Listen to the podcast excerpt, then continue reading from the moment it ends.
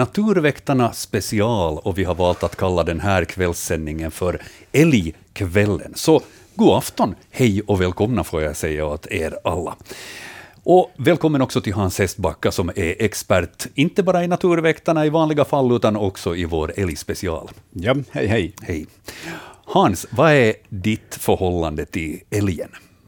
Ja, jag tycker det är ett uh, intressant djur. Uh, det är ju en av de ursprungliga gamla arterna i, i vårt land. Uh, sen när jag, när jag ser på, på älgen som, som biolog eh, så har jag vissa kritiska synpunkter nog på älgen och framförallt den stora älgstammen. Vi har ju, ja, vinterstammen består ju av mellan 90 000 och 100 000 djur. Det är otroliga mängder med tanke på att, eh, att vi har de marker vi har. Och, och speciellt är jag bekymrad för den naturliga föryngringen av vissa lövträd som är otroligt viktiga i, i naturens, i skogens ekosystem. Mm. Men positivt inställd är den är ju en, en mäktig och intressant, ett mäktigt och intressant djur och hör, hör till våra mest ursprungliga djur. Så är det. Eh, jag, jag, känner ju likadant för älgen. Jag menar, jag, jag, har alltid varit fascinerad av älg och jag har haft ganska många älgmöten, trots att inte jag på det viset någonsin har varit ute efter älg, annat i jakt, än i jaktsammanhang, då jag också har deltagit. Men, men jag har mött älg vid alla möjliga olika tillfällen och vissa gånger har det varit rätt nära också. Eh, men samtidigt jag delar din uppfattning om att, att till exempel för, för skogen och eh, Eh, skogsbrukarna till exempel, så deras förhållande till älg är inte lätt. Um, I trafiken så har vi också problem med älg stundvis. Mm. Det sker en hel del viltolyckor. Mycket prat om älg kommer det att bli, bland annat så kommer vi att beröra de här områdena också. Under sändningen, så förutom att jag och Hans är här i studion så, eh, och besvarar era frågor om älg och eh, vill gärna höra också om era älgupplevelser, så kommer vi också att få höra från, från bland annat Johan Erhag som är projektledare för Den stora älgvandringen, den här streamen som körde igång i söndags och som man nu kan följa på arenan arenan.yle.fi, bara att logga in där och genast ta del av den vackra natur som Kullberg bjuder på vid Ångermanälven. Vi kommer också att höra av eh, Mikkel Nyström som är verksamhetsledare vid eh, Åbolands skärgårds jaktvårdsdistrikt, hans eh, förhållande till älgen. Och i sändningen också Jessica Aminoff som är ekologisk jordbrukare och har ett speciellt förhållande till älg också, nämligen en väldigt specifik älg, Gamla Gustav. Det är säkert många som nickar igenkännande när ni hör namnet på den älgen. Alla känner inte till honom, så därför har vi ringt upp och pratat med Jessica här lite tidigare för att få reda på mera. Det där är vad som kommer att hända här fram till klockan 19.00, då vår sändningstid tar slut. Så, är det så att du har frågor eller funderingar kring älgen, så kan du höra av dig hit till oss på 0600 11 12 13. Vi tar emot samtal här under sändningen, eller så e-postar man på natur.yle.fi. Helt de här vanliga kontaktsätten då det gäller Naturväktarna. Eh, streamen från den stora älgvandringen, från Kullberg vid Ångermanälven, den är i full gång. Men det intressanta är ju att än så länge så är det inga älgar i bild. Vad är det vi ser för tillfälle, Hans? Ja, en gräshandshanne som simmar här eh, vid iskanten tillsammans med honan. Honan syns inte just i bild, men hon är, ja, nu syns hon här just i höger i bild. Eh, de håller på att värpa som bäst de här. Ja, det är ett annat par till och med. Eh, gräshandshonorna håller på att värpa som bäst och, och, och hannen, hannen följer ju henne mycket troget och mycket nära för att hålla andra hannar borta och för att han ska kunna para sig med sin egen hona. De betar smådjur här på grundvatten och iskanten och, och hör till eh, islossningen faktiskt på ett mm. mycket speciellt sätt. Den, det här, han kallades ju uh, i äldre tider för isand eller ljugand. Jaha. Den kom så tidigt så man kunde inte tro på våren, så den ljög om våren, den här gräsanden. och, och, det kan hända faktiskt att den så tillvida har rätt, att är det nu så att våren egentligen är här eller inte? För de som har följt streamen från den stora älgvandringen så har sett att de här två tre första dagarna, sen i söndags, så har det varit vackert, underbart vårväder, väldigt stilla, nästan spegelblankt där på älven, förutom på de lite mer strömmiga partierna. Men nu ser man att eh, vädret håller på lite och skiftar. Ja. Och det har utlovats sämre väder till helgen. Så får se ifall det blir nästan lite vintriga förhållanden här ännu. Det är mycket möjligt, ja. Älgarna bryr ju inte sig om det, utan, utan de de håller ju på att komma till, till det här över, över det här stället där de korsar älven.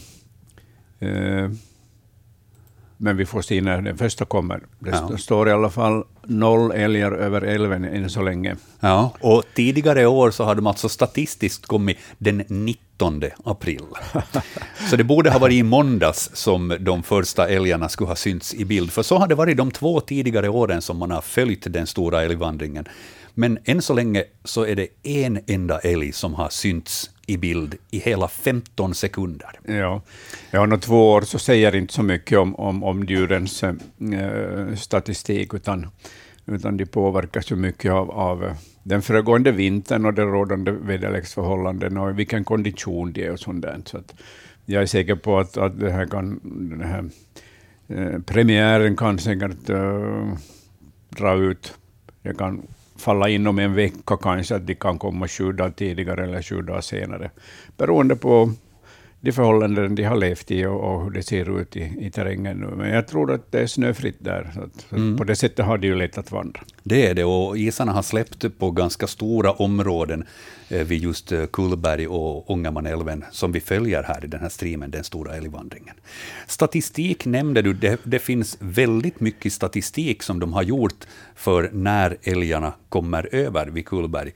Det, den statistiken som hon som bor där i närheten eh, har gjort, så den sträckte sig var det mellan 20 och 30 år, ah. vilket är redan ganska mycket. Det är mycket, ja. Mm. ja. Och då, då, får man ett ganska bra Sådär, man, man, får ganska bra koll på när de borde dyka upp. Och det borde vara i de här dagarna. Ja, just det. Mm, ja. Men det finns på sätt och vis, kan man väl säga, statistik lite längre tillbaka i tiden också, från just det här specifika stället. Nämligen, eh, många vet det här, men inte alla, så jag berättar det gärna. Eh, en bit söderut, längs med Ångermanälven, så där finns det ett ställe med hällristningar som man har klassat till ungefär 6000 år gamla. Där stenåldersmänniskor då alltså har ristat in älgar som vandrar över Ångermanälven. Och de här hällristningarna har man då fyllt i med rött så att man tydligare ska kunna se de här. Och så har man ett hällristningsmuseum där. Så den här älgvandringen vid just det här stället, den har mångtusenåriga anor. Ja, det har det säkert, för att eh, de stora däggdjuren, precis som fåglarna, så har sina eh, skilda stråk som de följer under sina flyttningar. Och, och, eh, att just älgen finns på många hällristningar. Jag tror att är det 40 procent av hällristningarna i Finland så är älg. Så det visar ju också att den Ja, den, är, den har varit ett oerhört viktigt djur, givetvis som bytesdjur, men också, tror jag, på, den andliga, uh, på det andliga planet som totemdjur och sånt där, men framförallt bytesdjuret, mm. älgen. Mm. Och, och, det är klart att människan har utnyttjat sådana här övergångsställen där älgarna då är lätta att, uh, att uh, fånga, att avliva med med spjut och pilbåge som man använde på den tiden, och med snaror förstås också, när de stiger i land efter att de har simmat över. Mm. Så att äh, människan har nog alltid utnyttjat det sånt här, men att nu för tiden så har vi förstås en annorlunda jakt. Mm. Eh, just de här olika fångstmetoderna så har man också kunnat hitta spår av vid Kullberg, för där i området så har man hittat många gamla fångstgropar som också har använts för att eh, fälla älg. Ja, ja, motsvarande eh, jaktsystem eh, har man ju haft för vildrenen också, fångstgropar och, och, och sen sådana här staket med öppningar och snaror i och, och också gillrade spjut och sånt där. Så att det, människan har varit uppfinningsrik. Hon har ju varit tvungen till det för att kunna få de här bytesdjuren idag, så det är ju enkelt med bössa, men, men på den tiden så krävdes det betydligt mera av jägaren. Mm. det här med att eh, man, man, kan väl säga att älgen är på det viset ett, ett vanedjur, att den har vissa ställen som den alltid rör sig på. Och jag menar, dels så har vi det här vadstället vid Kullberg som vi då följer i den stora älgvandringen, men också då man kör längs vägarna och ser dessa varningsskyltar för älg. Ja. Så de är ju inte satta på måfå. Nej, utan det är på vissa ställen där älgarna eh, vandrar. Det är ju vi människor som, som, liksom, som har splittrat deras eh, områden med vägar. Och, och, eh, sen blir ju trafiken ett problem för älgarna om man ser det ur älgens synvinkel. Älgarna har alltid vandrat över vissa ställen. Givetvis eh, har ju landhöjningen gjort att de här vandringarna har förskjutits längre och längre västerut under eh, århundradens gång, men att de har sina skilda stråk som de använder. Och, och till exempel de stora rovdjuren som, som ju drar stor nytta av älgen som bytesdjur, så så de har också sina speciella stråk. Vargarna kommer längs speciella vandringsleder. Fast det kommer en varg mellan, med tio års mellanrum, så kommer den över samma ås och längs med samma sträckning av någon höjd och sånt där. Så att det där är, är någonting som, som de vilda djuren vet och ser.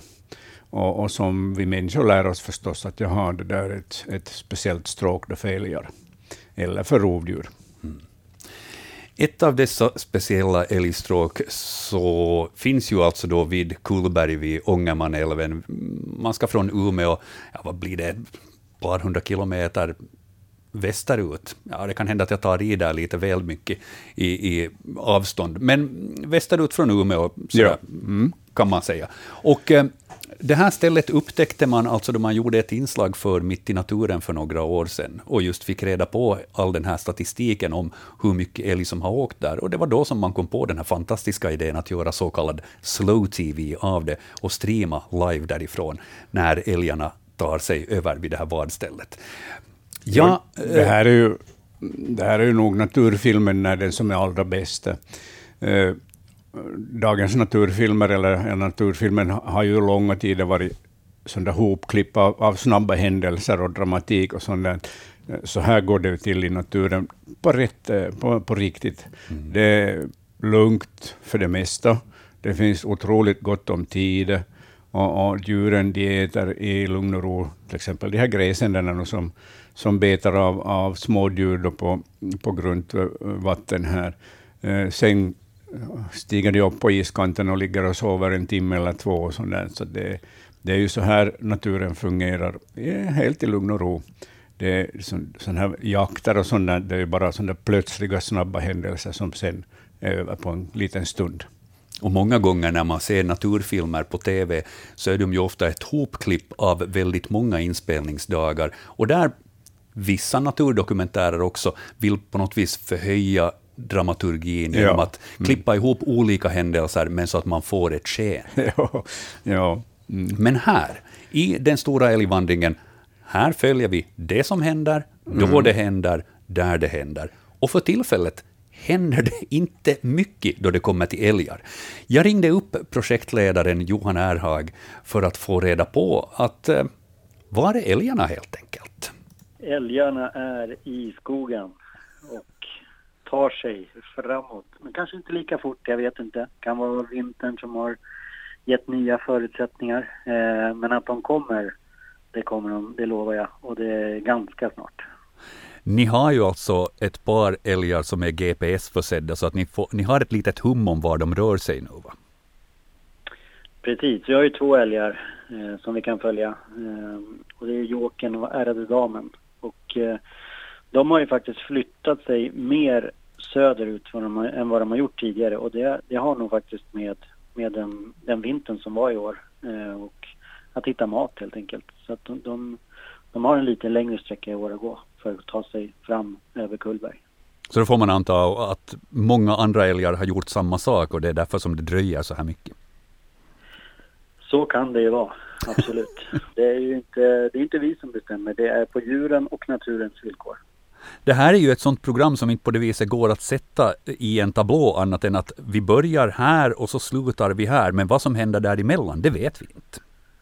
Nej, så är det ju. Mm. Tredje året som ni har på gång, eh, vad allt är nytt för i år? Ja, men vi lär oss ju saker varje år eh, och det vi har gjort framför allt i år det är ju att byta lite kamerapositioner. Eh, vi har lagt ett extra tryck på, på just ljudutrustningen som vi använder eh, så att vi ska kunna ge alla som tittar på den stora älvan en lite bättre ljudupplevelse. Eh, dessutom så är det faktiskt många som har skrivit att de, de lyssnar också bara på ljudet och inte tittar på bilden och då ska vi verkligen försöka få och stärka den upplevelsen. Sen så har vi en liten satsning på det som vi kallar Myren i år. Eh, där eh, många orrar hänger och eh, lite skådespel från orrar tidiga morgnar med en kopp kaffe. Hur låter det? Ja, det, det, har varit riktigt intressant att följa med. Jag satt en morgon här och tittade på när orrarna hade orrspel på gång. Så att hur fint som helst. En utmaning där är ju att komma tillräckligt nära just för att få det här ljudet. Precis, det stämmer. Det här är en ganska stor myr och det är ju ganska svårt att säga exakt vart på myren de hamnar. Just nu är vi lite långt ifrån men samtidigt så smälter det ganska fort där nu så det kommer bli eh, om än mycket blötare och blötare för orrarna. Och då kommer de ta sig till torrare platser och förhoppningsvis närmare kameran där de sitter Alternativt så kanske vi får flytta kameran så att vi hamnar lite, lite närmare orrarna så småningom.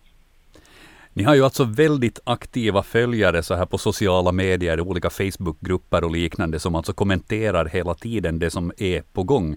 Eh, hur har de till exempel eh, kommenterat det här med att det inte har hänt så mycket ännu? Det har inte varit så många älgar i bild. Jag tror att det finns Eh, den, den här eh, stora gruppen fans som har följt älvvandringen i varje år hittills, de, de är med på banan. De vet att det tar tid.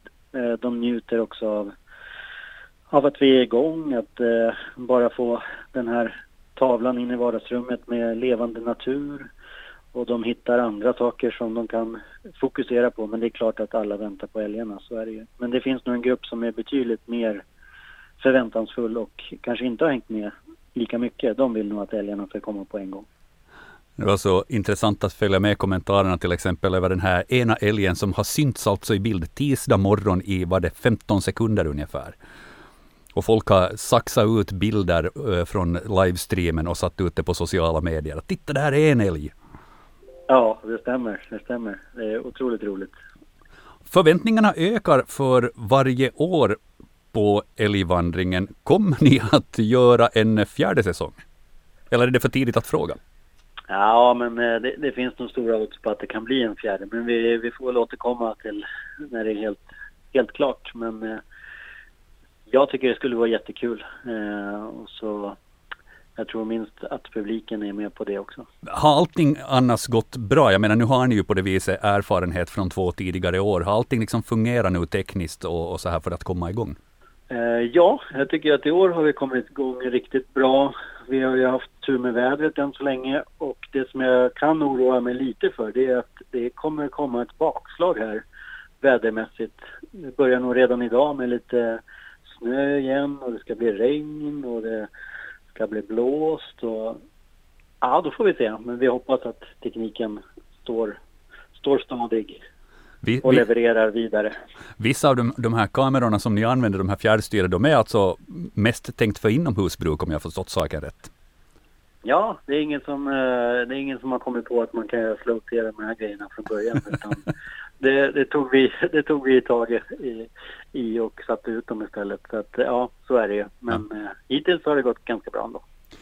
Hör du berätta Johan, hur går det till i kontrollrummet när man kör ut hela den här livestreamen? Är det så att folk eh, jobbar frenetiskt eller är det någon form av sån här zen-liknande stämning som man kommer in i liksom? Ja, jag skulle tro att eh, det är lite... Alltså hela älgvandringen och hela känslan är ganska meditativ och ganska lugn. Så många av våra medarbetare som har kanske varit ute och jobbat på andra produktioner kommer till älgvandringen och är nog lite uppstressade första dagen eller första två dagarna. Sen så infinner sig ett lugn och alla blir lugna och behagliga. Jag tycker det är så oerhört härligt att sitta där och och inte klippa för allt för fort mellan kamerorna utan bara börja bara njuta av det som, som verkligen älgvandringen speglar. Så att många mår faktiskt väldigt bra när de lämnar älgvandringen måste jag säga. Jag kan tänka mig det och sen komma tillbaka till, till verkligheten igen med lite rappare tempo. Precis. Hör du, jag måste riktigt fråga också, eh, vad är ditt sådär personliga förhållande till, till älgen och har du något eh, sådär speciellt älgminne som du skulle vilja dela med dig av? Ja, men faktum är att jag måste säga att älgen, jag har alltid fascinerats av älgen. Men jag kan inte säga att jag har haft någon sådär tydlig möte med en älg eh, som jag faktiskt flera gånger har önskat. Det är ofta när man åker bil man ser en älg eller men jag har aldrig riktigt varit nära en älg. Eh, så att eh, jag måste säga att det som, det som är fascinerande och det som jag har lärt mig med, med älgvandringarna det är ju att det är så häftigt att se att älgarna är beroende av varann just den här tiden på året. Då, då samlar de ihop sig och så går de den här vandringen och sen så är de ganska ensamma eller väldigt få i alla fall normalt resten av året. Då ska vi ta vara på de här stunderna och följa dem när de samlas på det här viset i flock för att vada över där vid Kullberg. Tusen tack Johan. Ha en riktigt skön fortsättning på våren och så önskar jag spännande stunder i kontrollrummet. Tack så mycket. Johan Erhag där, alltså projektledare för den stora älgvandringen. Eh, han jobbar för SVT, vi jobbar för Svenska Yle, vi är med som samproducenter i det här programmet, därför kan vi streama det också på arenan.yle.fi. Följ gärna den stora älgvandringen där. Och är det så att du har frågor eller kommentarer om älgar, hör av dig här till oss i vår sändning. Natur är e-postadressen och du kan också ringa 0600 11 12 13 så svarar Hans på era frågor. Jag har en fråga till dig Hans. Ja. Ehm, det här, Johan var inne på det lite, just att de, de samlas i flock här nu för den här älgvandringen. Men sen sprider de på sig och eh, blir lite mera jag tänkte säga ensamvargar, men det kan man ju inte kalla dem, för de är ju älgar. Men, men de, de är liksom lite mera solitära då. Ensamälgar. Ensamälgar. ja, alltså älgen är ju på vintern så, så kan de ju bilda flockar. Ganska många djur till och med, beroende på vilket uh, vinterland de brukar vandra till, om det är ett bra vinterland med bra med bete. Så att tidvis uh, är de flockdjur, men, men under sommarhalvåret så är de nog, uh, lever för det mesta för sig själva. Korna, så de vill ju kalva helt i lugn och ro. De vill inte ha några andra älgar kring sig och inte heller fjolårskalvarna, utan de jagas ju bort så att hon kan ta hand om de här nyfödda sedan i, i, i maj och juni månad, beroende på när hon kalvar. Eh, älgtjurarna de kan hålla sig för sig själva, men de kan också vara i små grupper på en par, tre djur. Så att det är betydligt lösare sammanhållning under sommarhalvåret. Sen under brunsten på hösten så, så då, då det här, samlas de ju på vissa ställen uh, för att brunsta. Men, uh, så det är från och till för älgen. Mm. Men den är ju inte alls ett, ett typiskt flockdjur som till exempel uh, skogsrenen är, som ju är ett, ett flockdjur under, under det här, en stor del av året, eller under vinterhalvåret. Och tamrenen så, så är ju ett flockdjur under, under praktiskt taget hela året. Mm. Vi har fått in ett samtal hit till Naturväktarnas special Älgkvällen. Vi får säga god afton. Vem är det som ringer? God afton, god afton. Det var, jag måste berätta om en sån här rolig grej som älgarna gjorde. De hade liksom gått samma trad över ett vedstapel. Och det gjorde de i åtminstone tre år som det låg där. De gick inte på sidan om. Nej. Utan rakt över vedhögen. det, det, är helt otroligt. Det, det är ett lustigt eh, fenomen. Eh, jag, jag tvivlar ju på att de har liksom någon sån här gener från, från uh, hästar som annars är vana att hoppa över hinder eller någonting sånt. Men ja. hur, alltså, de, de, vi har ju tidigare talat om det, att de, de följer vissa spår, det är liksom vissa jo. banor som jo. de går. Men Hans, har du någon kommentar till det här? No, det enda jag kan komma på är att uh, markägarna har, har gjort vedtraven precis på deras vandringsled. Jo, jo jag tror det. Ja. För det, det, det att du inte tänka på att tossorna, benen skulle gå av eller något sånt där, utan de gick rätt. Ja. ja, man, ser, man hittar ju nog, i, då man vandrar ute i, i skogen och, och myrmarker, så hittar man ju nog renarnas och älgarnas stigar. Mm. Vitsvanshjortarna har, har mycket utpräglade stig, system med stigar. Så de följer vissa leder också när de byter mellan uh, olika betesplatser. Och, och, jo, jo. Om någon lagar en vettrav där så kan man gå rakt över den också. Älgen, älgen har ju långa ben. Jo, jo, jo. Ja. Det är annat än våra det. Ja, ja. jo. Nej, men, eh, tack ska ni ha och tack för att ni väldigt trev, har, gör väldigt trevliga program. Men, men, roligt att höra, trevligt att det smakar och tack för ditt samtal. Det var en intressant berättelse jo. du hade. Ha en skön kväll. Tack, tack, tack detsamma. Hej. Hej. Hej. De är, de är lustiga älgarna, det kan vi konstatera till en början. Mm, ja. Och som du var inne på, de har väldigt långa ben, de är ju anpassade för sånt här. Jo, det är, alltså, det är ju det är vårt största däggdjur och, och är eh, verkligt långbenta. Eh, dels för att klara sig i snö. Det är ju anpassade till en, en snörik vinter, älgarna. Eh, och sen också för att kunna gå på myrar, ta sig över myrar. Så det är anpassning till både och. Mm. Och just de här älgarna som, som ska ta sig över, över den här Ångermanälven, så de har ju vandrat österut för att komma ner till skoglandet där det, där det är mindre snö än i fjälltrakterna. Det kan ju vara oerhört mycket snö i fjälltrakterna. Där finns ju ett gott bete uh, på vide och, och, björk och sånt där, men, men det lönar sig inte för älgen att stanna där, det är inte alldeles för kämpigt. Mm. Så därför har de lärt sig att, att man vandrar vandrar då österut. Och vi har ju eh, motsvarande vandring också. Eh, till exempel här i Österbotten så har vi ju älgar som nu vandrar ut i skärgården. Det är framförallt korna som ska kalva på, på sina egna, egna land, i sina egna kalvningsrevir. Och en del tjurar följer med också. Så det, vi har en, det är betydligt kortare de här vandringarna, men de är regelbundna. På hösten så vandrar de upp till fastlandet och, och samla sig på vissa, vissa områden då för vinter, vinteruppehållet och sen nu vandrar de västerut då till, till kustlandet och till skärgården. Mm. Och det är ju inte bara vandring som älgens ben är väl anpassade till, de kommer upp i ganska ordentliga hastigheter också om det vill sig. Ja, mm, nu har jag inte tagit reda på vad det kan vara, men... Jag, jag kollade upp det där eh, fram och tillbaka. Kanske 60 kilometer i timmen. Ja, 50-60 kilometer mm. i timmen kan de ja. göra sådana här spurter i varje fall, ja. och, och, på det viset liksom undkomma fara. Ja, de måste ju, de måste ju ha någon sorts eh, hastighet för att klara sig undan jagande varg, mm. jagande björn. Både, både varg och björn så tar ju älgar i alla åldrar, om de kommer åt eh, järv och, och lo så, så tar ju kalvar. Det gör ju också björn och, och varg mycket gärna. Så det är ju, eh, de, ser man antalsmässigt så, så är det ju mest kalvar och unga djur som blir tagna av, av rovdjuren. Och man har ju anpassat, anpassat den här jakten idag lyckligtvis till sådana förhållanden att man försöker skjuta 50 procent kalvar. Mm.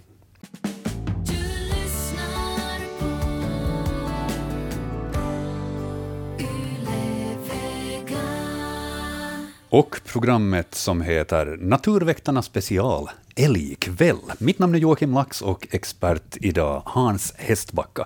Välkomna med allihopa framför radioapparaterna och eventuellt framför eh, datorskärmarna också för den delen. För jag utgår från att många av er följer med Den stora älgvandringen. Den kan ni se på arenan.yle.fi man streamar direkt från Kullberg vid Ångermanälven i Sverige och följer alltså den här stora älgvandringen som sker varje år på det här stället.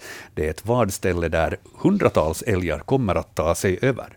Tidigare år har den första älgen synts eh, 19 april, med andra ord borde det ha varit i måndags som den första skulle ha dykt upp. Nu är det bara en enda älg som igår, på tisdag morgon, visade sig i 15 sekunder långt borta i horisonten. Så än så länge så är det alltså olidlig spänning då man sitter och följer med den här streamen. Vacker vy bjuds vi ju på. Ja, här är en otroligt fin strandvy med, med smält vatten på isen det blir sån här svagt buteljgrönt vatten som ligger på isen och sen uh, vit is längre ut och öppen eld längre bort. Ett eh, uh, naturskönt ställe. Det är det. Och eh, det här natursköna stället kan man följa tack vare 29 kameror, massor med mikrofoner ute i terrängen, 17 kilometer kabel som har dragits kors och tvärs från alla kameror, som alla sen då kommer till kontrollrummet som finns där borta vid stranden. Jag tror att man eventuellt kan se det i den här bilden där borta bakom träden. Och eh, där sitter man och med andra ord streamar ut den här så att vi alla kan följa den stora älgvandringen. Men frågan är ju, när kommer den första älgen? Och vi hoppas att den ska visa sig ännu ikväll. Vi har tid fram till klockan 19.00 ikväll för den här älgkvällen. Och är det så att vi inte får se någon älg ikväll, så då får vi återkomma i det här ärendet. Sen då Naturväktarna övergår till kvällssändningar igen, det är den 6 maj, torsdag 1922. Då håller nämligen den stora älgvandringen sändningen på ännu i ett par dagar, så då får vi åtminstone prata om de älgarna som syns i bild då förhoppningsvis. Men vi har stora förväntningar på att vi ska få se en älg ännu i den stora älgvandringen-streamen, som ni alltså hittar på arenan.yle.fi. Är det så att ni har frågor om älgar eller vill dela med er av era älgmöten eller älgerfarenheter så går det bra att ringa hit till oss. 0600 11 12 13. Eller så kan ni e-posta också på natursnabelayle.fi. Och eh, Hans är beredd att med sin expertis hjälpa er att reda ut era frågor, ifall det är någonting ni har funderat på. En fråga som har kommit in som jag tänkte att vi kan ta här genast. Det är Rickard som har skickat in. Hur gammal kan en älg bli? Vad säger vi Hans? Ja, den normala siffran som brukar ges upp för älgens maximala ålder så är 15 till 18 år. Så jag tror att vi kan säga max 20 år. Det är en gammal älg. Den uh, hinner nog falla offer för något rovdjur på, sista, på, sin, på sitt sista innan den själv dör. Jag tror inte uh, chansen att man ska hitta ett självdött uh, djur i älgens storlek så är mycket små. Mm. Men i alla fall, 15 till 18 år är en sån normal, maximal ålder för älgen. Det händer ju ibland att man eh, hittar på stränder älgar som har, ja. som har drunknat. Mm, det stämmer, ja. De är väl i övrigt rätt goda simmare? Det är goda simmare, ja. De kan simma långa vägar och det är därför vi har älgar långt ut i skärgården. Eh, men just eh, svaga isar på hösten, när det fryser till, och sen vårisen som gör mycket, mycket det här förrädisk, så, så då drunknar faktiskt en del älgar. Och, och det är en av de bland de naturliga dödsorsakerna så är drunkningsdöden mm. en, en, en, vanlig död. Ja. Vi var redan tidigare in på rovdjuren också. Vi får skäl att återkomma till det alldeles snart, men där ett svar åt Rickard i varje fall på älgens ålder. Mm. 15 till 18 år kan bli upp till 20 med andra ord, ifall det vill sig väl. Vi har eventuellt en till fråga här, för eh, vi har fått ett samtal till studion. Vem är det som hör av sig, får jag fråga? Hallå? Ja, hallå? Eh, det är Via Reinert. Hejsan. Eh, jag såg den här fantastiska filmen om älgarnas eh, vandring. Ja. Och det som slog mig, nu vet jag inte om det var samma filmsnutt som togs om flera gånger eller om det var flera gånger det hände. Det var en älg som gick, det var den första älgen som gick ut på isen och så föll den igenom isen. Och, och, och, istället för att försöka kravla upp sig rakt fram som man nu skulle tycka, så visste den att svänga om sig och gå tillbaka till den, från den riktning därifrån den hade kommit. Så att den klarade sig upp sen nog till slut. Att det, här, det här har vi lärt oss av våra föräldrar, eller jag vet inte av vem, men men har nu älgarna lärt sig av vem? De lär sig eh, av erfarenhet. Hur, hur... Ja, men eh, faller de nu så ofta genom isen och vet att nu ska de tillbaka? No, ofta, ofta, tillräckligt ofta för att lära sig i alla fall. Jaha, ja. så att de är intelligenta djur? Ja, alltså de klarar sig bra i naturen och, och en del klarar sig fast de faller genom isen medan andra drunknar, precis som ja. för oss människor. Ja, ja. Nå, det var det här jag ville. Ja. Och tack för det. Det var ett så fint program att jag såg det två gånger. Ja, och det är bara att följa med nu livesändningen också på arenan.yle.fi, så där kan du gå och se nu vad som händer i, i Kullberg. Och hoppas Jaha. att vi får se några älgar snart. Okej, tack, Tack. så mycket. Tack, och hej. Tack för ditt samtal. Tack, hej. Ja, det, men- det inträffade ju dramatiska händelser i, i fjol. Just eh, den här älgen som, som gick genom isen, det var väl nog någon annan också som gick genom isen, och sen någon älg som simmade långt nedströms och, och det aldrig tänkte komma upp ur älven och sånt där. Så att, Nej, Det var mycket dramatik där. Den sveptes Ja. med mer eller mindre med älven helt enkelt. Trots att de är duktiga simmare. Men ifall älven är tillräckligt stark, den där strömmen, så då är det nästan enklast att följa med och Visst, försöka visst. snedda in till, till stranden. ja. Jag kommer ihåg det här, det var väl eh, så att eh, älgkalvar också stod och följde med där när mamman eh, försökte känna efter ifall isen bar eller inte. Ja, man sa nog att kalvarna uh, iakttog sin, sin mor, hur, hur det här ska gå till och om det är tryggt och säkert och sånt där. Så De lär sig de här älgarna, det, det är ju många älgar som har varit med om det här tio gånger, så att de vet ju vad det är frågan om och, och var de bästa ställena är och sånt där. Och därför kan de ju stanna i, i de här strandskogarna i flera dagar innan de sen ger sig över älven, när de tycker att nu är det läge. Ja, man ser när de samlas och går och känner av och, och funderar att är det säkert eller inte. Ja, ja. Vi har fler frågor om älg. Vi får säga god afton, vem är det som ringer? Ja, jag var grönsaksbonden från Falun, god afton. God afton, god afton. Det här, jag har ju kanske ett lite dubbelpipigt säger, eh, intresse för det här med älg. älg. Jag tycker älgen är ett ståtligt djur på det viset, men att, eh, så, som ni förstår som grönsaksodlare så har man ju Kanske, är man kanske inte så glad åt älgen alla gånger och, jag, den, den är nog det djur som har kanske har blivit ett av det här dyraste för mig, min del. Att jag har nog fodra, utfodrat älgen med, med, med tusentals euro värt grönsaker. Och, och det som jag har observerat under årens lopp, när jag började som grönsaksodlare här uppe i Långmossen, så, så då var då var inte älgen riktigt, det fanns ju älgar här men att, eh, att det tog en par, tre år innan de lärde sig att det går att äta de här grönsakerna. Speciellt på blomkålen märkte man att det här första åren så gick de helt förbi. Andra, tredje, fjärde året så kanske de tog en, ett nafs av lite blad här och där. Men sen då lärde de sig att det där vita, det vita blomkålen, det var nog den allra bästa biten. Så, så då, då tog de bara en, en tugga ur varje planta och lämnade bladen kvar. Så att när man kom till åkern så såg det nästan ut som att allting var orört. Men när man började titta lite närmare så var, var det som när skulle skördas var borta. ja. Så att det här, jag, jag har som konstaterat det, att äh, de, de, de lär nog sig vad som är gott och vad som är bra. Visst gör de det. Visst gör de det, ja.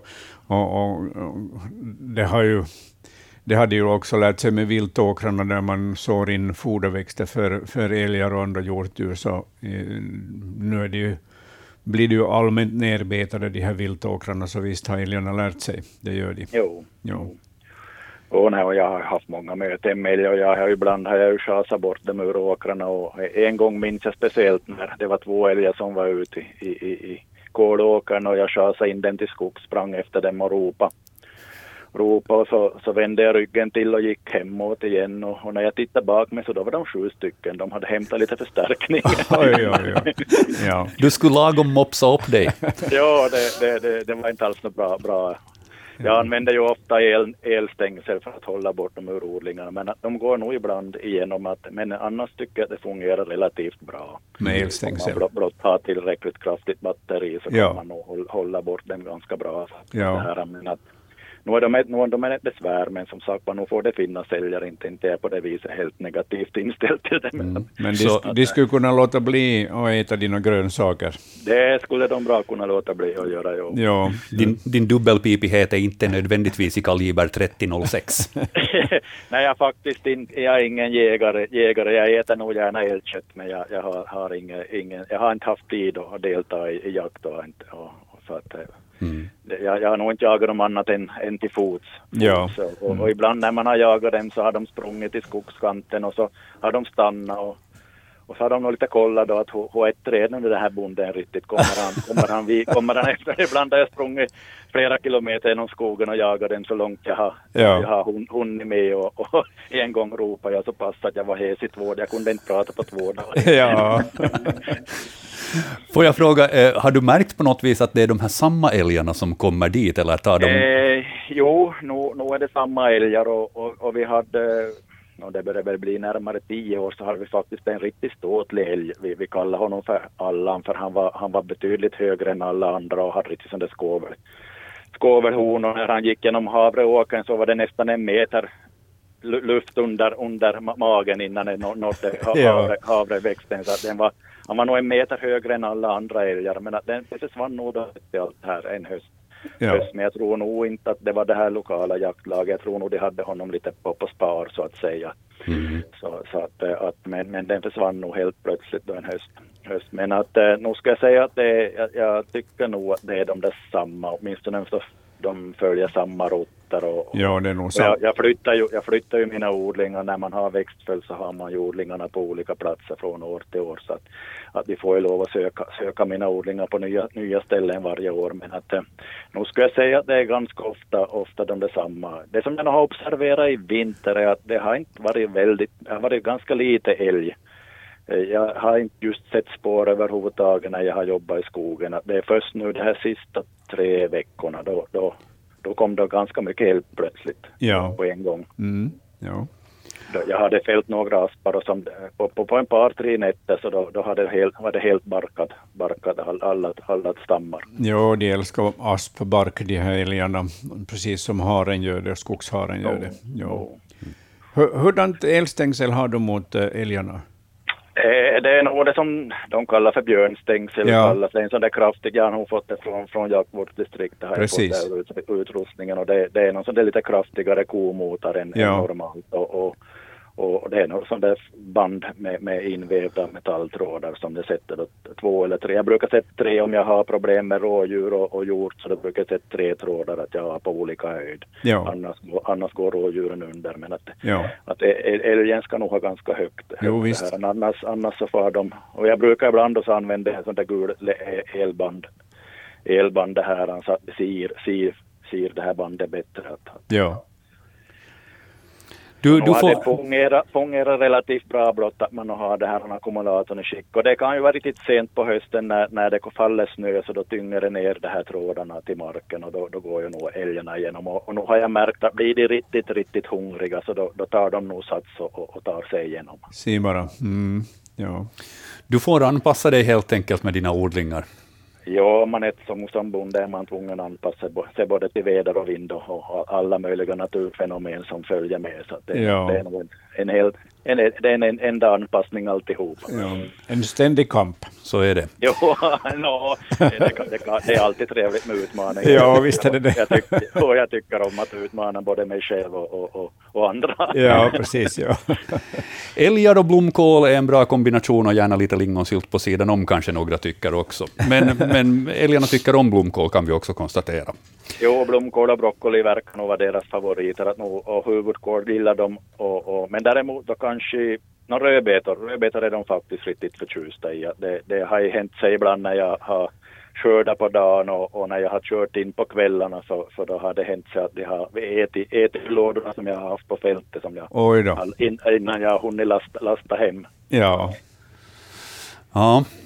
Vi får säga helt enkelt lycka till den här säsongen och hoppas att ja, du lyckas med Det har ju varit odlingarna. jättefint väder hittills. Så att det, är ju, det är ju lite onödigt vackert har det varit jag tycker. Men nu, nu, nu, ser det ju ut som det ska bli lite, lite bakslag. Så att vi, vi har nog hållit, hållit is i hatten här nu och väntar på det här bakslaget. Att jag tror nog, men det såg ut att det är ganska långvarigt. Så jag tror nog det, jag tror det blir först mors dag innan vi får någon riktig värme igen. ja, det här vintriga bakslaget, så det kommer alltid. Det kan man vara säker på. Jo, i Fast- fjol, fjol hade vi ju kallt första veckan i maj. Hade Ja. vi kallt i fjol och snö till mors dag. Så Ja, det, det kan vi nog få räkna med. jo, jo. Mm.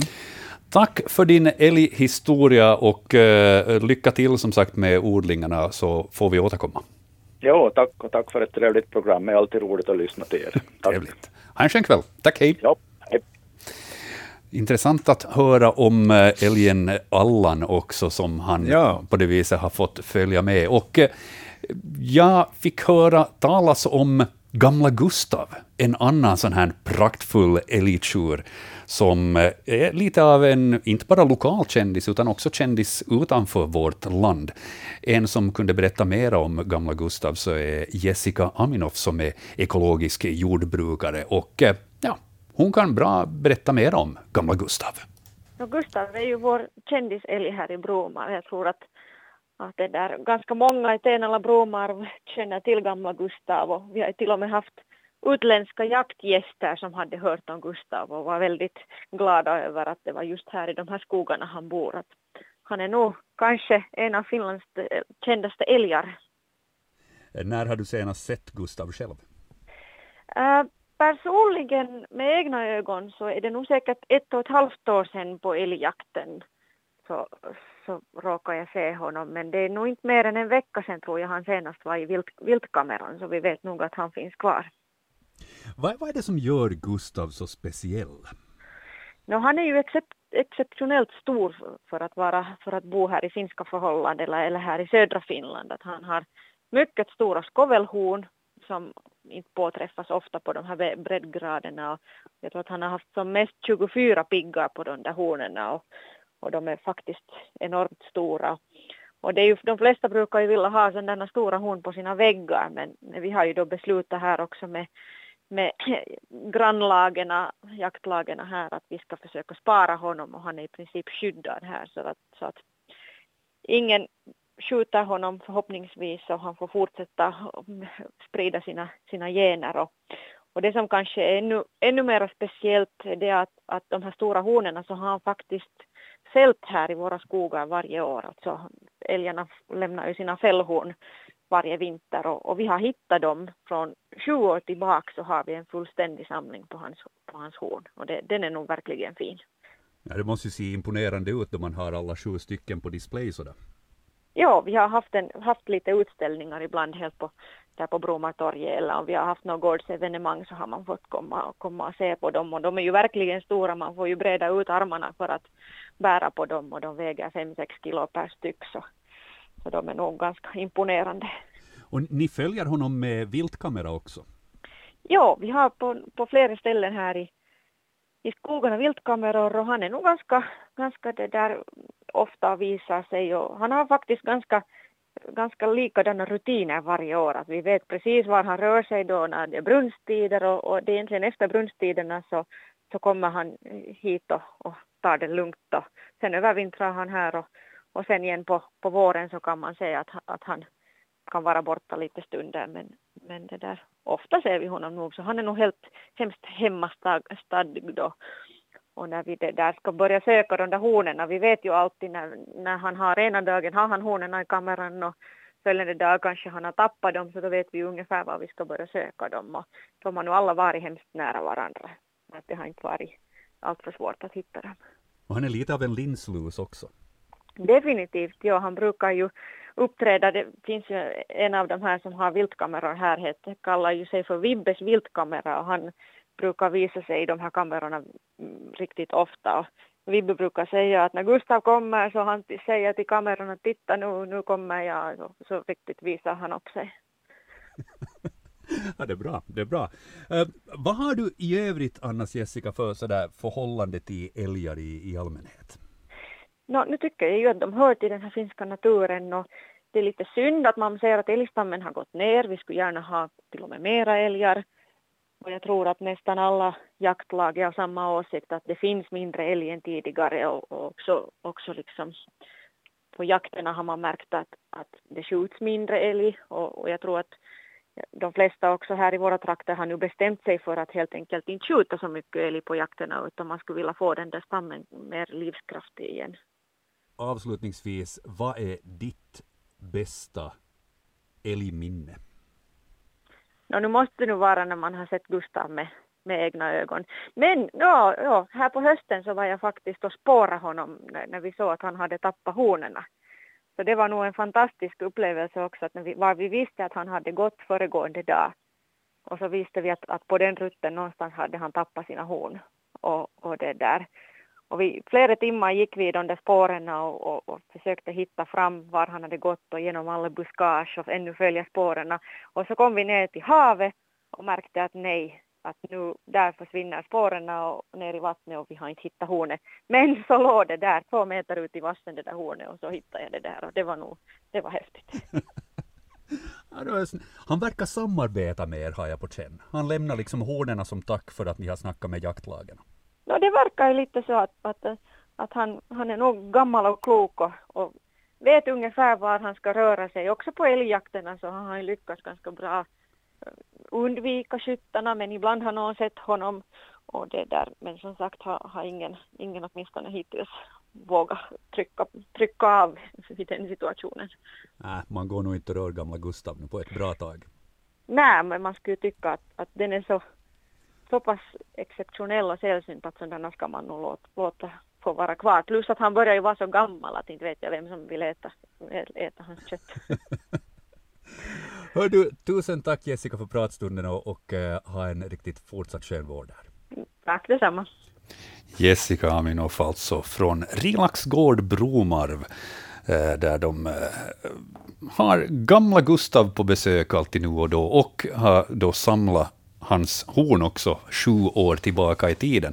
Imponerande skovelhorn. Jag visade bilder åt Hans här tidigare. ja, verkligen otroliga skovelhorn.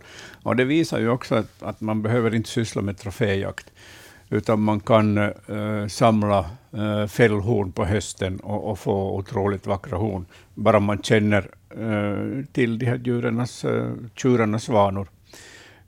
tyvärr så, så har ju älgjakten tidigare varit ganska trofédominerad. Många jägare har velat ha stora vackra horn på, på sin vägg och, och det har ju lett till att, att, det här, att horn, hornkvaliteten hos äh, älgarna överlag så har ju avtagit, minskat.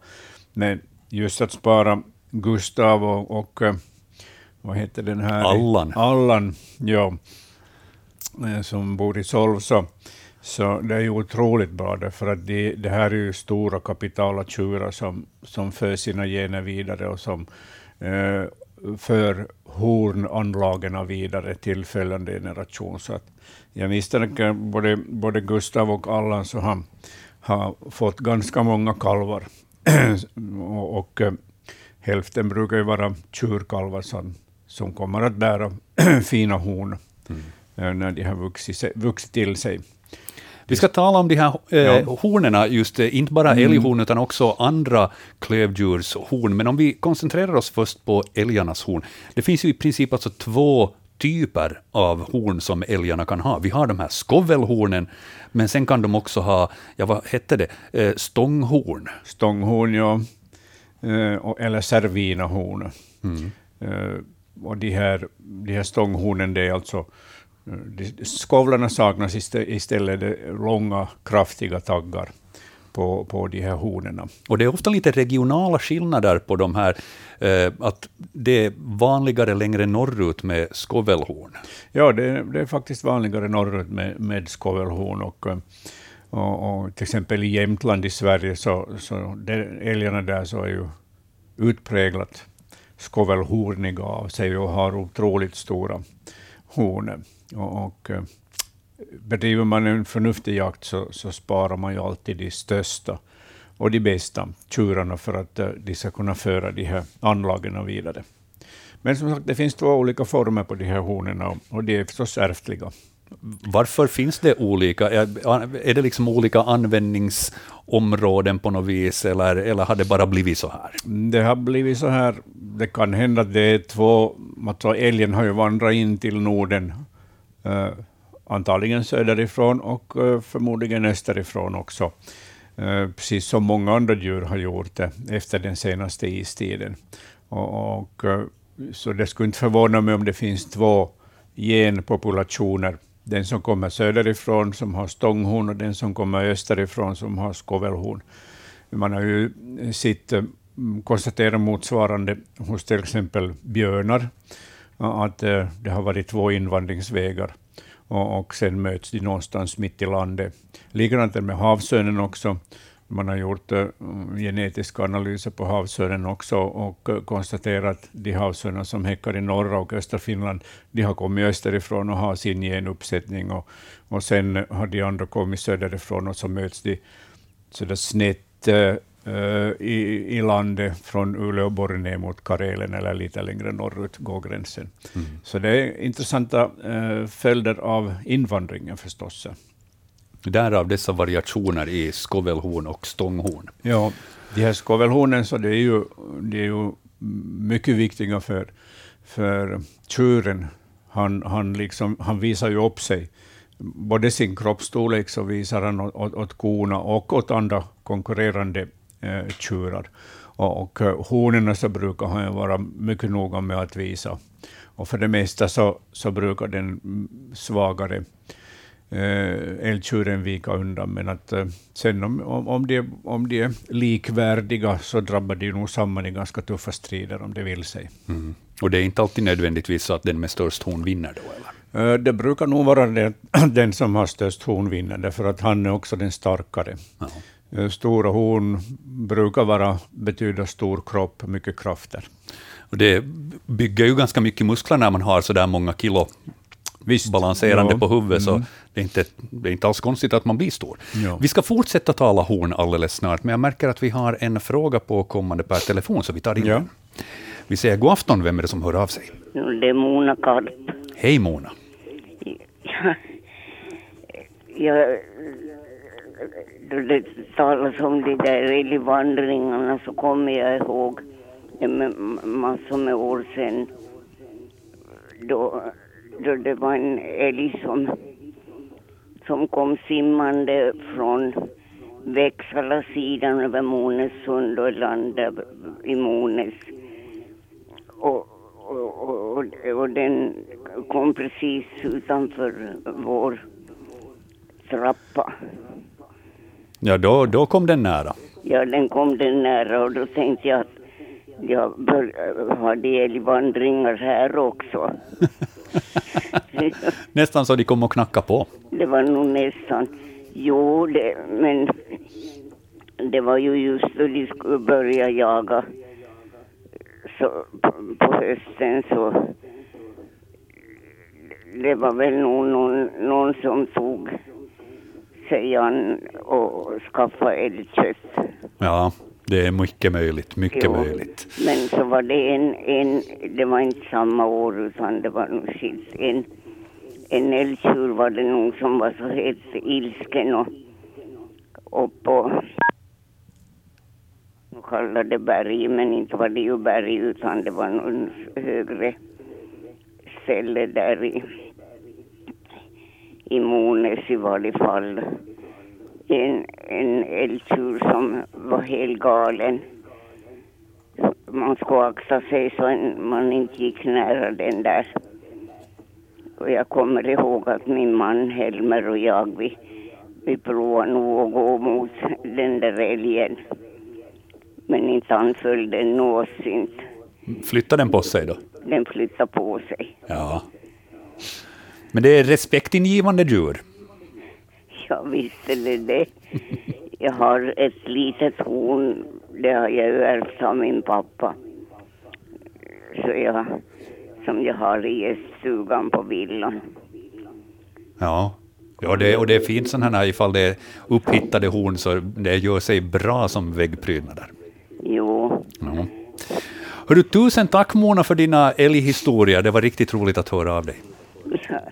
Ja, jag tänkte att ska jag nu is, men jag har just talat med svärsonen som är från Åsele och han påminde mig om älgvandringarna men jag har ju sådana ögon numera så jag kan ju inte se de där bilderna på.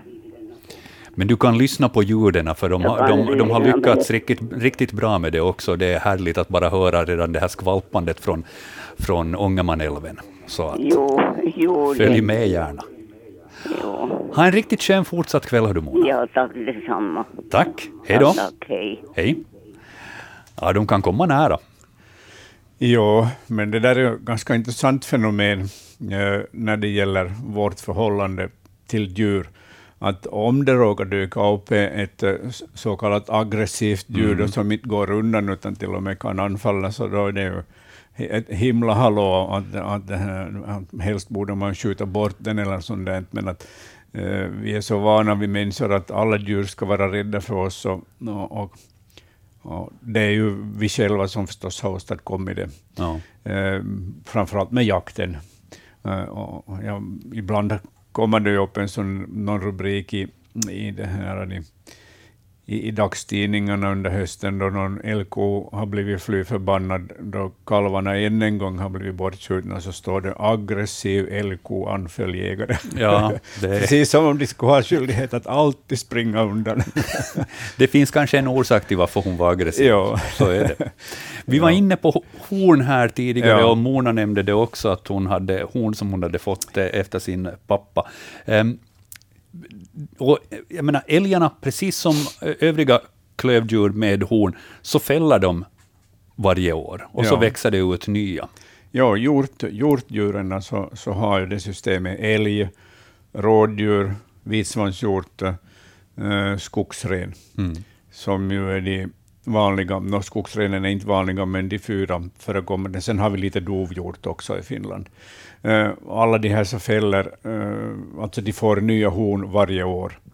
Och, och eh, det är tjurarna som får det, förutom då hos skogsrenen eller, eller renen. Mm. Och, och sen fäller de dem efter brunsten och så växer det ut nya. Och sen ju äldre de blir och, och ju mera kapitala de blir, så desto större blir honorna och sen börjar de minska i storlek när det här djuret åldras. Och, det intressanta med de här honorna det är ju att det är benet.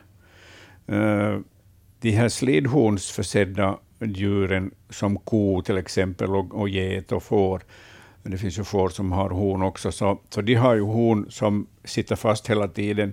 Och det är faktiskt hornämne. Det är ett horn, de, de här hornen består av, av, av hornämnet, Mm. eh, precis som våra naglar gör det. Och, och de växer ju under hela livstiden och blir större och större. Medan då de här hjortdjuren, så, så deras horn består av ben. Mm. Och där är en stor skillnad mellan de här. Och, och det förstörs ju när de, när de växer, de här hornen, så förs, förs de av en basthud som finns på utsidan av hornen. Och de, de här basthuden är, full med, med blodkärl som försörjer då den här tillväxten. Så de, de har ingen benmärg i sig som, som de här till exempel lårben och andra ben har benmärg som, som då är mycket, har mycket central betydelse, utan, Mm. utan eh, all näring kommer utifrån den här basthuden. Så det där är är- är en intressant utveckling som har skett hos de här, eh, hos de här hjortdjuren med de här honorna. Och ganska snabbt växer de här hornen. Om vi nu till exempel Och- talar om älgen specifikt, Ja. då, då, ifall den får tillräckligt med näring, det är gynnsamma förhållanden och sånt här, så ganska snabbt kommer det centimetrar. Jo, det, det är en, en otrolig tillväxt på de här, men, men de, de har ju tillgång till ett, ett ypperligt sommarbete. Alltså under sommaren så har ju, har ju alla, alla det här hjortdjur och andra djur så har ju obegränsad tillgång till föda. Och, och hjortdjurens, en älg så kan ju äta 50 kilo i dygnet.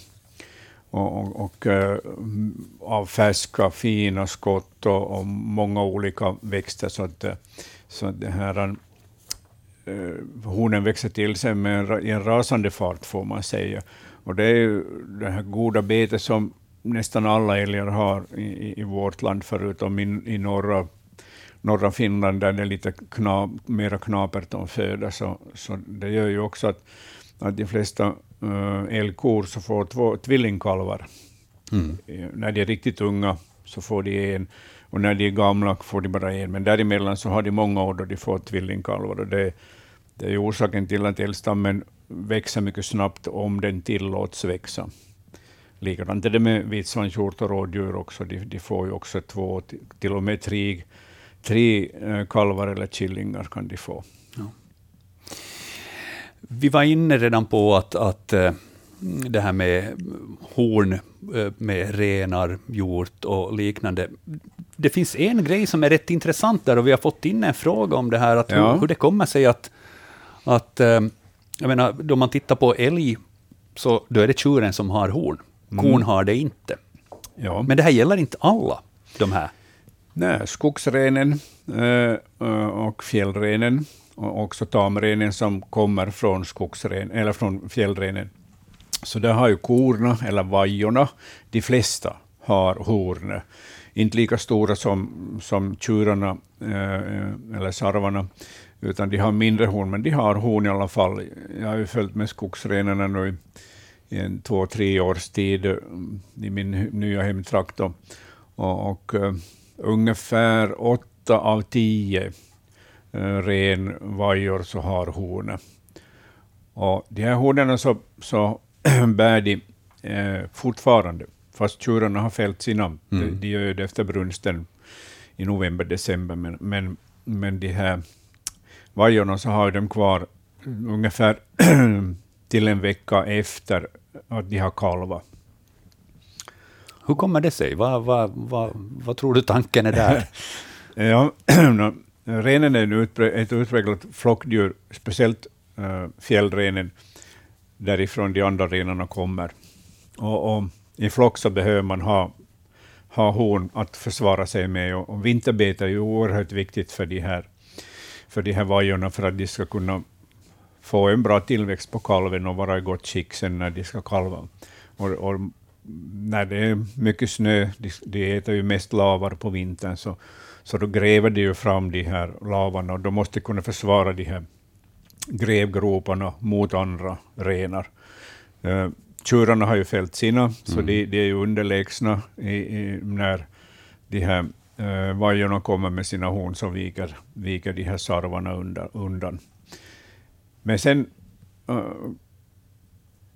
både fjällrenen och tamrenen, så, så de kalvar ju ute på fjäll, fjällsluttningarna i, i, på våren. Och, och det här, då. alltid när en kalv har fötts så kommer det en massa renar för att se på den här nyfödda kalven. Och då behöver, då behöver den här honan honan ha ett försvarsredskap, alltså horn som hon kan stångas med så att de hålls borta. Mm. Under den här tiden, då, de två första dygnen, så präglas kalven på sin mor mycket intensivt och sen följer den med henne hela tiden. Och, så att eh, kanske viktigaste, ja, det är två viktiga saker. Dels att de ska kunna försvara sina snögropar där de äter, och sen så att de kunna försvara sina kalvar mot jordens stora nyfikenhet skulle inte hon göra det så skulle du trampa ihjäl den där kalven. Ja.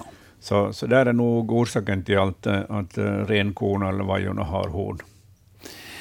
Älgkon eh, kan ju nog också försvara sina kalvar, men det, det gör man med klövarna.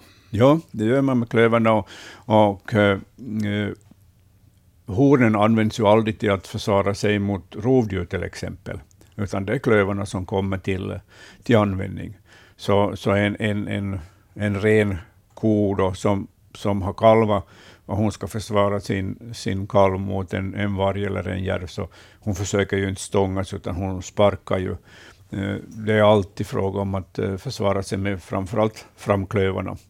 Och sen kan ju älgen också sparka bakut, eh, och det kan behövas när vargen anfaller bakifrån. Så att honorna har en annan betydelse. Det är inte ett försvarsmedel mot varg och andra rovdjur. Mm.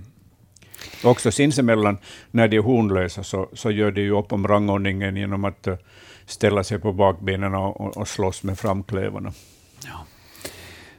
Älgen behöver försvara sig mot uh, rovdjur, men det största rovdjuret som älgen har problem med ur älgens perspektiv så är naturligtvis människan.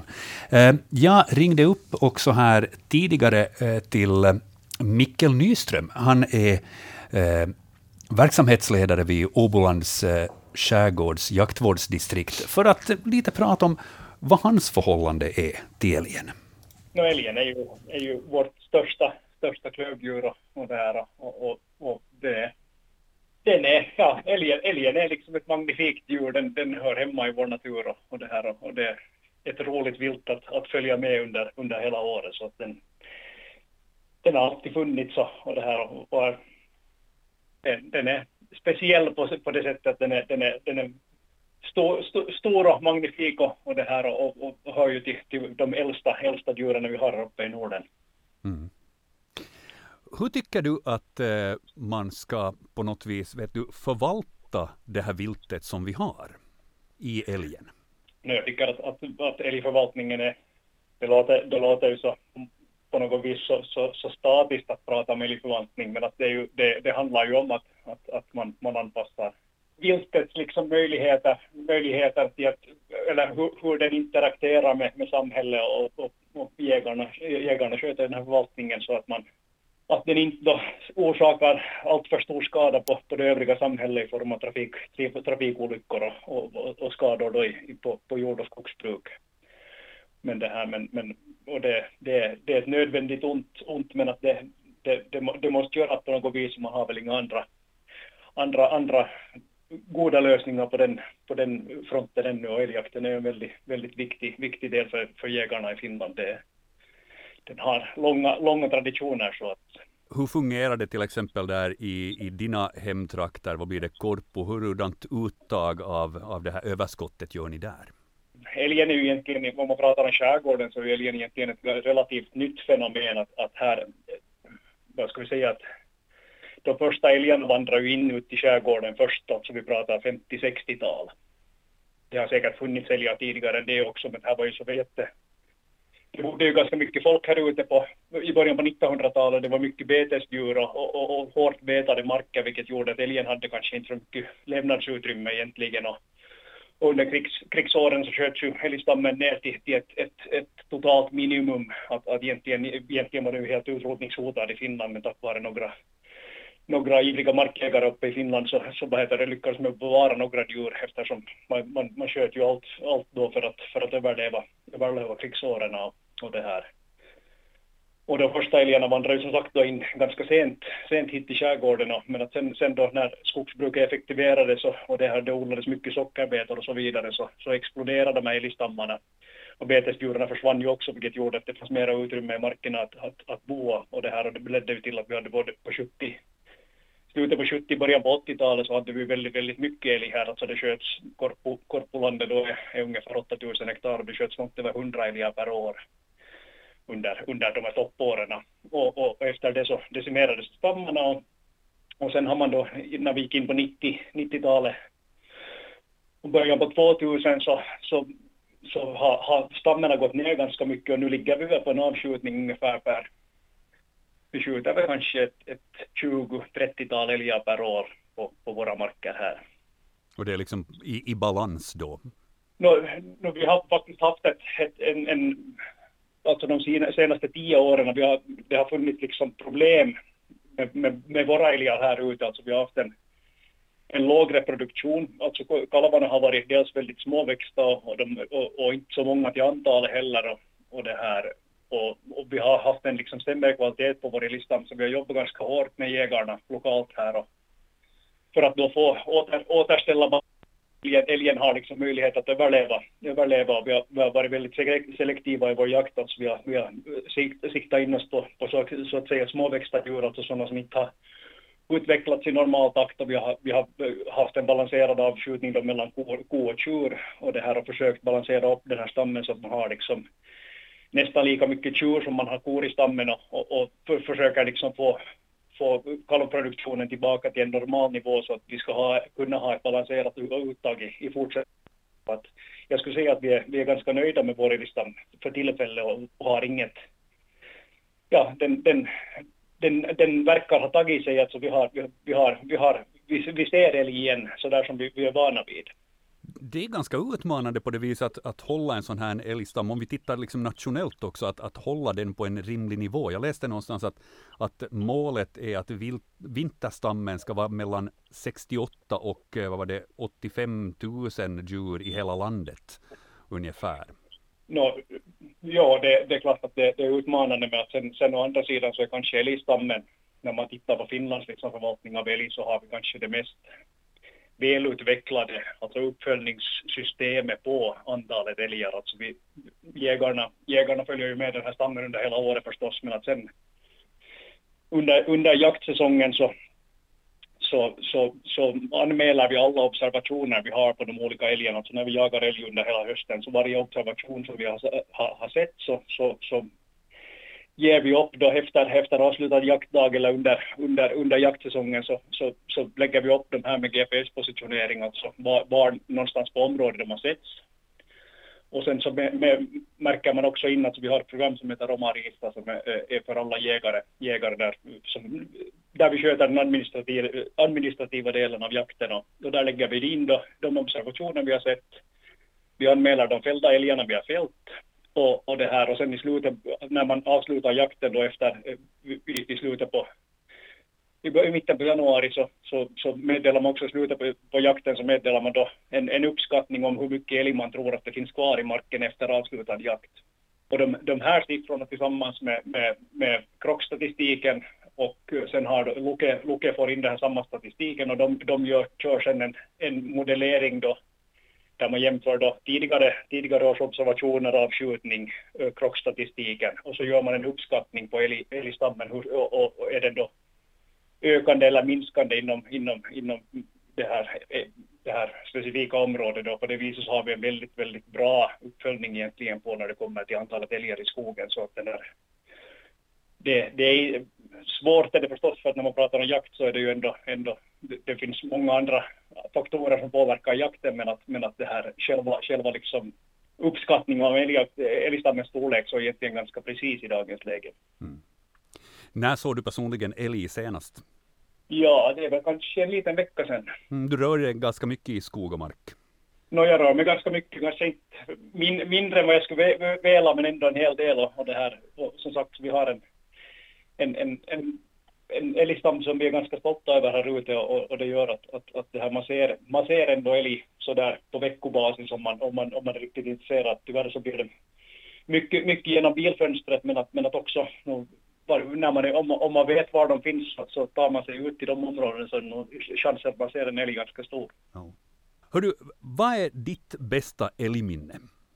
Det finns många att välja på, men, men en sån här sysselsättning som man, man inte ger sig allt för mycket tid till så är ju att, att ta sig ut i, i, i älgarnas brunsttid och, och sätta sig ner på en, på en hyggeskant eller eller vid en åkerkant och, och, och då härma, härma tjurens läte och, och, och, locka in de här, de här, de här stora tjurarna. Och, och en av mina höjdpunkter så är nog kanske det när jag, när jag fick, kunde locka in en, en, en 14-taggars koveltjur i en, en, en sån här traditionell tall, tallmosse. Så, så det här, när, när, när den kom invandrande på, på under 40 meter så då, då, då, får man, då, då känner man närheten till älgen på, på ett verkligt sätt. Låt höra så här per telefon, det kan vara svårt, men hur lyckades du locka den? Hur lät, hur lät du? det är specifikt, men att det här, det är, jag vet inte, det är någonting som man har lärt sig, lärt sig utav, jag, jag är väl älgjägare fjärde generation, så att det här, det är sånt som man får lära sig som barn, men, men vi kan göra ett försök. Ja. Ah, ah,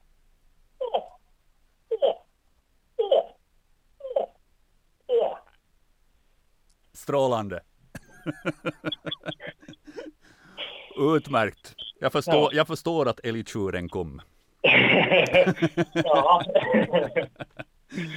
Tusen tack Mikkel för pratstunden. Tack så mycket. Mikkel Nyström där, alltså som gav prov på hur en älgko lockar till sig tjuren. Mikkel är verksamhetsledare vid Ålands skärgårds jaktvårdsdistrikt. Klockan är sju minuter i jämn timme. Det här betyder att vi har bara några minuter kvar att prata om älg den här sändningen. Naturväktarnas special Älgkväll är det som du lyssnar på. Och vi har den här sändningen helt enkelt för att vi har den stora älgvandringen på gång. Du kan följa den hela tiden, dygnet runt på arenan.yle.fi. Och här under sändningen så har jag och Hans hela tiden haft ögonen på vad det är som händer på skärmen, och varje gång de klipper över till kameran som de kallar för entrén, där, där alltså älgarna kommer in till det här ja. området vid Kullberg, mm. så hoppar jag till och tänker nu kommer vi äntligen att få se en älg. Ingenting ännu. Och det är ovanligt, för de brukar enligt statistiken för de två tidigare åren, så brukar älgarna dyka upp den 19 april. Idag skriver vi den 21. De är lite sena, men det har diskuterats om att det var vinterförhållandena helt enkelt som har varit så svåra, så att därför inga älgar. Men de kan dyka upp precis när som helst, så om inte ni har någonting annat för er, Gå in på arenan.tille.fi och följ den stora älgvandringen. Ni har här under kvällen haft möjlighet att ställa frågor per telefon och också per e-post. Och här är en fråga som just har kommit in som jag tänkte vi hinner behandla här innan vi ger över till nyheterna. Det är Markus som skriver Hej! Hur trivs älgar med vitsvanshjortar? Viker älgen undan? Här i Västnyland tycks hjorten ta över. Hur är det Hans? Ja, ja den viker ju inte undan äh, vitsvanshjorten, men, men där det finns mycket vitsvanshjort så där betas ju de begärligaste växterna ner av vitsvanshjortarna och eh, eh, älgarna blir utan om man karikerar det, men att eh, vi har i alla fall 120 000 vitsvanshjortar i vårt land som vinterstam, och, alltså större än, än älgstammen. Och, och, och, det finns ju många rapporter från, från södra och sydvästra Finland på eh, hur vitsvanshjortarna betar ner eh, all naturlig föryngring av örter och, och speciella gräs i naturen, och så betar de förstås ner trädgårdarnas blomster också. Så att, eh, det förekommer en, en ganska kraftig, kraftig konkurrens eh, om eh, de här bästa och viktigaste be betesväxterna som, som då ska föda också älgen och inte bara vitsvanshjorten. Och, och på Öland har man gjort en, en undersökning om, om varför, varför de här mm, älgkorna eh, förlorar sina kalvar eh, ganska snart efter, efter kalvningen. Och, och den forskare som hade undersökt, eller det forskningsteam som hade undersökt det här, så de konstaterade att det finns så otroligt mycket rådjur på Öland, så de betar bort alla, alla de här begärligaste eh, betesväxterna, naturliga växterna som, som älgkorna behöver för att få de nödvändiga, eh, nödvändiga vitaminerna och andra ämnen, spårämnen i sig för att kalvarna ska, ska klara sig. Så att, eh, Ja, visst, visst eh, förekommer det. Eh, älgen viker inte undan visanskjorten när det kommer till utmaning och sånt. Den är ju betydligt större och tuffare, men, men, men vitsandskjortarna kan äta så slätt så att det finns inte en del av de växter som älgen behöver, så finns inte helt enkelt kvar. Mm. Det kan vara svårt att få älgar att vika undan sådär när man möter dem. Vi har varit inne på det här tidigare också, att det är kanske så att man borde inte försöka chasa iväg dem, utan det är väl, det är väl vi som kanske kan lite stiga åt sidan ifall det är så att man möter ähm, älgar. Jag ska berätta om ett kort älgmöte som jag hade då jag var en ungefär nioårig liten parvel som kom cyklande i Järby här i Vasa. Det var väldigt dimmigt. Sikten var 10, max 20 meter framför mig, då jag kom cyklande.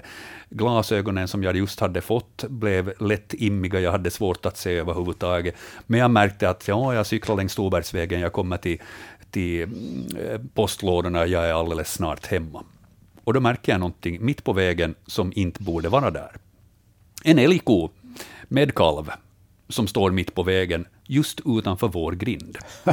Så att på eh, 15-20 meters avstånd ungefär så, så nitbromsar jag med cykeln och älgkon med kalv så lämnar kvar på samma ställe och bara blänger på mig och funderar, jaha, vem är du då? Jag fann mig ganska snabbt i situationen. Jag försökte inte chasa bort dem annat än att jag ringde en gång med ringklockan på min cykel och så sa jag, uh, ursäkta, ni står i vägen, jag ska in här. Hon tittade på mig ännu i vad som kändes som en evighet, men i verkligheten fyra, fem sekunder. Och sen så gick hon sakta mak över vägen och in i skogsdungen som då ännu fanns framför vårt hus. Och så fick jag passera. Så att man kanske inte ska chasa bort dem. Den här gången räckte det med att jag talade rätt vårdat och, och vänligt. Det brukar vara så med de vilda djuren om man stöter på dem på det där sättet. Att eh, pratar man i lugn och ro med dem så, så tar de det ganska lugnt och sen går de sin egen väg. Hon noterar antagligen att den parveln är inte ett hot. Ja, precis. Ja. Mm. ja.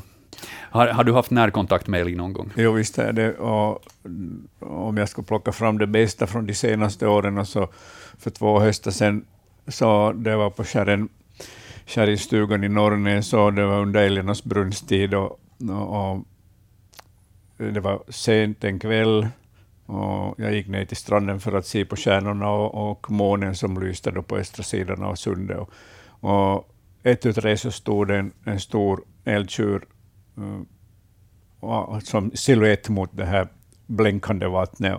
de är otroliga att dyka upp helt ljudlöst, de här stora djuren, när- när de vill vandra ljudlöst.